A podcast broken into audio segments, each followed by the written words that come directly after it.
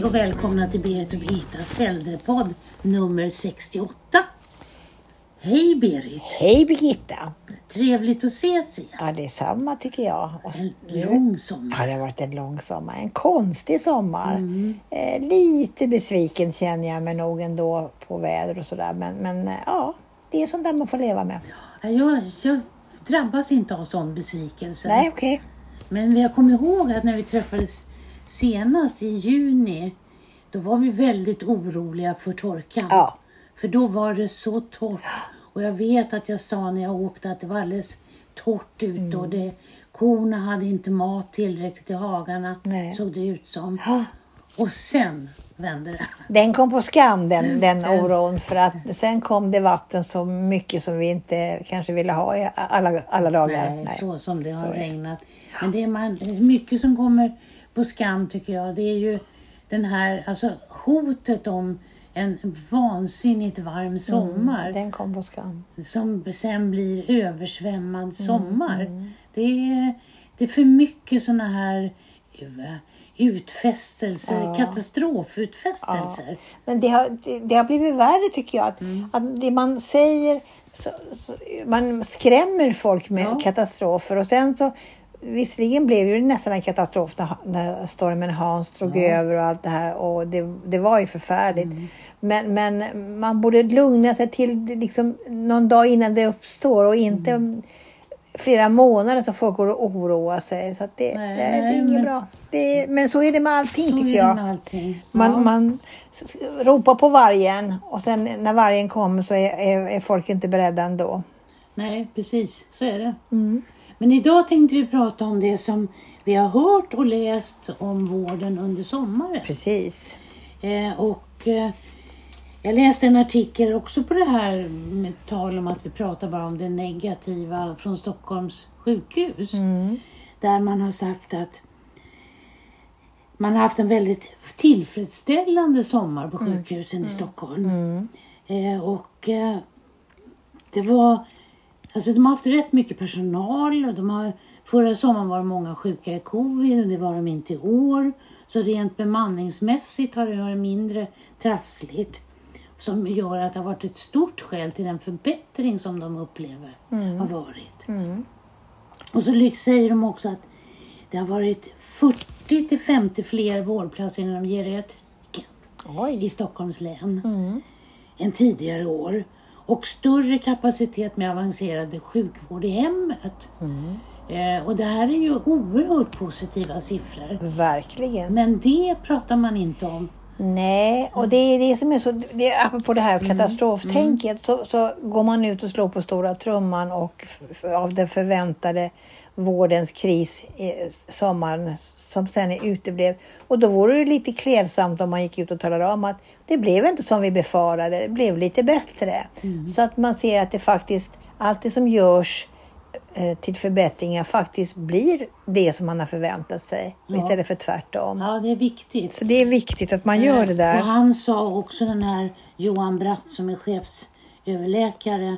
Han sa också att på förlossningsklinikerna har det också varit lugnt. Ja. 300 färre förlossningar i sommaren tidigare och dessutom har det öppnats ett, en förlossningsenhet till i Stockholm. Ja, just det. Mm. Eh, Och det här borde man ju ha kunnat gått ut och förutsatt därför att finns det någonting som man vet så är det ju när barn föds. Mm. Ja, där hur planeringen ser ut. Precis. Det har man ju full koll på. Ja. Eh, Så att det är märkligt att vi inte hör att det ser bra ut, läget ser bra ut. För att vi människor behöver det också. Vi behöver mera hopp Mm. och, och i den här mörka tiden som vi har runt om i världen så behöver vi få allt positivt Mm. som vi bara kan få till oss. Och det borde alla de här beslutsfattarna förstå att Mm. befolkningen behöver hopp och, och tro på framtiden. Mm. Sen var det ju också så att man på andra håll i Sverige annonserade om personalbrist och förändringar i insatser. Mm. Det var kommuner som sa att de inte kunde genomföra sina besök och insatser i samma utsträckning som man var beviljad. Mm. Och i några kommuner så ställde man in städningen från mitten av juni till mitten av Mm. augusti. Eh, man, man fick städat en gång under den perioden. För att man hade inte resurser Nej. till mer. Och det var ju med tanke på de, den här lagförändringen som man pratar om när det gäller tillresande sommargäster till de här kommunerna som kommer, eh, som har, har eh, tillfälliga boenden som kommer från, ja, från storstäderna och har sina sommarstugor runt om i, i Sverige. Då, det ökar ju på hemtjänstpersonalens eh, och då kan man inte utföra allt det här som man har, har blivit beviljad. Och det kommer, Nej. bli, det kommer bli värre framöver. Ja, fast här, i det här fallet så räckte inte resurserna till den normala Nej, hemtjänstpopulationen. Ja, okej. De som bodde där, för de hade inte tillräckligt Inte ens till dem. Nej, utan inte det, ens till dem. Då blev ju inte bättre när det kom tillresande tillfälliga boenden nej, heller. nej, absolut inte. Och då, då gick man ju faktiskt och tog kontakt med den här Anna Tenje som är äldre och socialförsäkringsminister. Så, och ville att man skulle titta över det här, alltså möjligheten att få tacka nej till sådana. Ja. Och det är framförallt i de här kustnära Kustnära, ja. eh, samhällena, Ja. Bohuslän, Västkusten och, Västkusten och Dalarna ja. kan jag tänka mig. Norrtälje kommun Mm. som har som, som flerdubblar sina, Mm. sin befolkning under sommarmånaderna. Och, det, och det kan vara människor som kommer dit med ganska stora och omfattande vårdnadsbehov. Och då blir det ju jättesvårt för dem att klara. Mm. Det som man har haft krav det är ju att ska de ha, har de stora omvårdnadsbehov så måste ju husen vara anpassade Ja, eftersom det, mm. det har ju varit ett krav länge. Då. mm. Men sen kan man ju faktiskt behöva insatser många gånger per dygn och har man inte personal som räcker till ordinarie Nej, vad gör man då? vad gör man? Nej. Det, Det är, svår, det, det är svårt nog ändå. ja, det är svårt nog ändå. Mm. Men då har man ju tagit hjälp med ungdomar med epatrakt. Ja, och det här var, tyckte jag var så spännande. Mm. Det, är, flera kommuner, Värmland, Dalarna, som har haft, just som har glesbygd, där man har haft ungdomar som har åkt eh, och handlat och eh, ja, träffar de här äldre och de får komma hem, de kommer hem och så får de en lista att gå och handla åt. Och det, har varit väldigt positivt och många av de här äldreomsorgscheferna säger att de hade inte klarat sommaren om de inte, om inte de här ungdomarna hade varit. Och ungdomarna själva tycker att det har varit jättepositivt och, och väldigt roligt. Och det kan ju vara en ingång till att man kanske ser äldreomsorgen med, med helt andra ögon som från ungdomens sida. Att man, det här kanske ändå kan vara ett framtidsyrke. Och framförallt i glesbygden där man kanske inte har så många arbetstillfällen. Nej. Nej, och de har ju också fått vara med vid dubbelbemanningar Ja. och så. Och eh, städat och lättare omvårdnad har man också hjälpt till med. Eh, och det här har ju varit, som du sa, väldigt positivt och framgångsrikt i många kommuner. Mm. Men det har ju också varit kommuner som har sagt att de inte tänker ta EPA-ungdomar till hjälp av säkerhetsskäl. Mm. Eh, och eh, ja, det, det kan man ju undra därför att eh, man, om man kör, tjän, eh, kör egen bil i tjänsten, vilket ju det här skulle vara, Mm.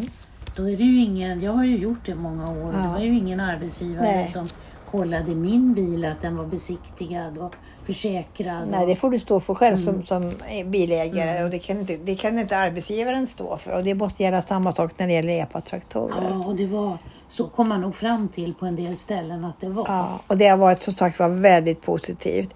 En annan positiv som jag läste om det var att ungdomar i, i en kommun fick i uppdrag att lära äldre hur man använder telefon och internet. Ja. Och man har gjort en undersökning att personer mellan 75 och 85 år så var det 15 procent av dem som aldrig hade äh, använt internet och var väldigt okunniga. Och framförallt var de väldigt ängsliga av allt det här med att de känner sig att de kan bli lurade och de vågar inte riktigt använda den. Så de här ungdomarna har fått eh, tid till att träffa de här eh, äldre pensionärerna och lära dem hur man, ja, hur man använder sin telefon, hur man använder internet. Och de har till och med gjort en manual som, som de kan titta på om de känner sig osäkra. Och, eh, för ungdomarna förstod inte den här äldre personens rädsla för att bli lurade. För, för dem var det så naturligt.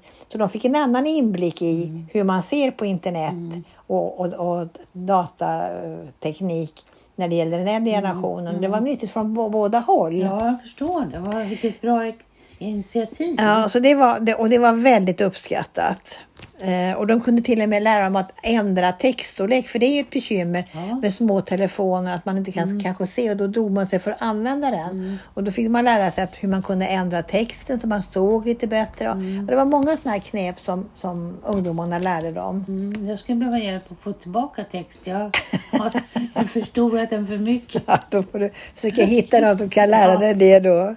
Ja. Ja, nej, men det är, ju väldigt positivt därför att det är ju också en, en form av sysselsättning för Precis. de äldre. De får besök och Exakt. sitta och prata och säkert fika. Och just det här med att man träffar ungdomar, eller ungdomarna träffar äldre som de normalt inte gör i sin Nej, vardag. nej. är också kanske en ingångsport att här finns ett framtidsjobb. Mm. Eh, kanske inte för evigt, men man kan ha ett jobb, ett ingångsjobb som när man är ung och innan man har för, vet riktigt vilken väg man ska vandra Mm. i livet så, så kan det här vara ett sätt. Och det Många stannar kvar och kanske kommer tillbaka år från Mm. år, men som till exempel pluggar eller så. Så jag tycker det där är ett jättepositivt och det skulle fler kommuner ta till tycker jag. Mm, absolut.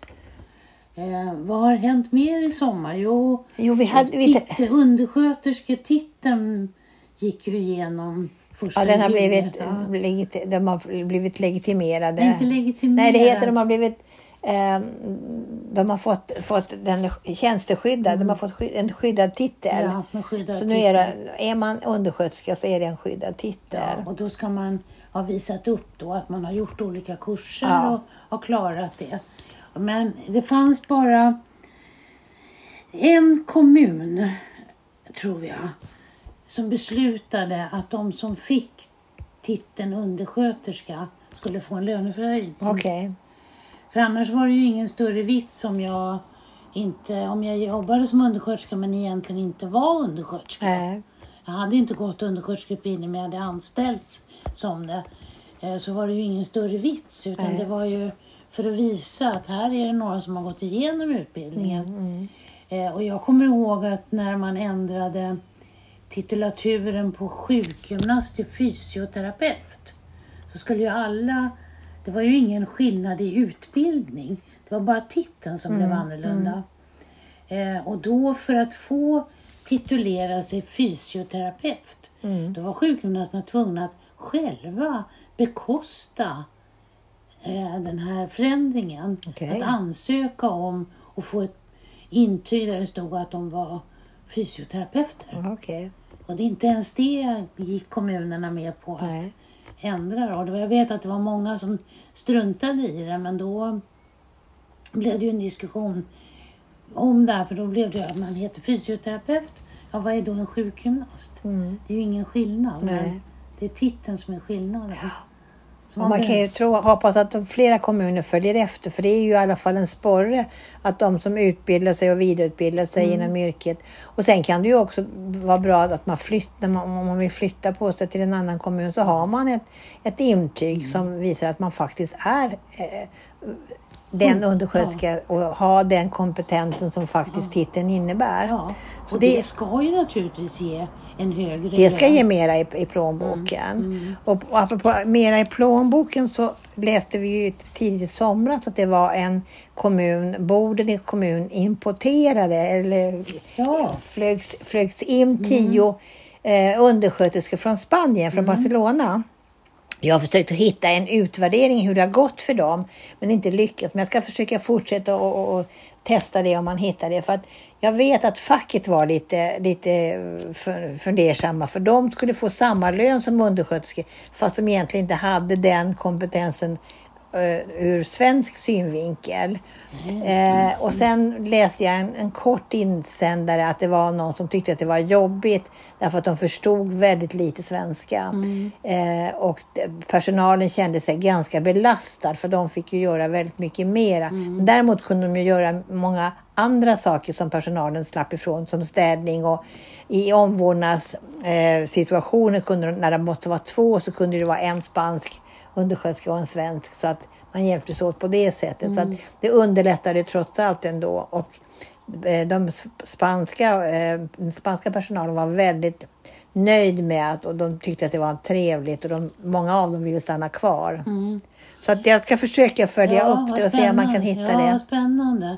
Ja, det var, jag läste också en artikel om man tog ju in ett antal thailändska sjuksköterskor. Mm. Det var ett, ett vårdföretag som tog hit dem. bemanningsföretag ja. Eh, Jag ett bemanningsföretag som tog hit dem och de eh, jag har ju jobbat ett antal år i Sverige men blir nu utvisade. Mm. Ja, det är väldigt märkligt. Det är väldigt Ja. märkligt. Och de hade, gått, de hade lärt sig svenska, Ja. deras familjer hade kommit hit men de, de fick inte stanna kvar. Nej, det är jättemärkligt alltså.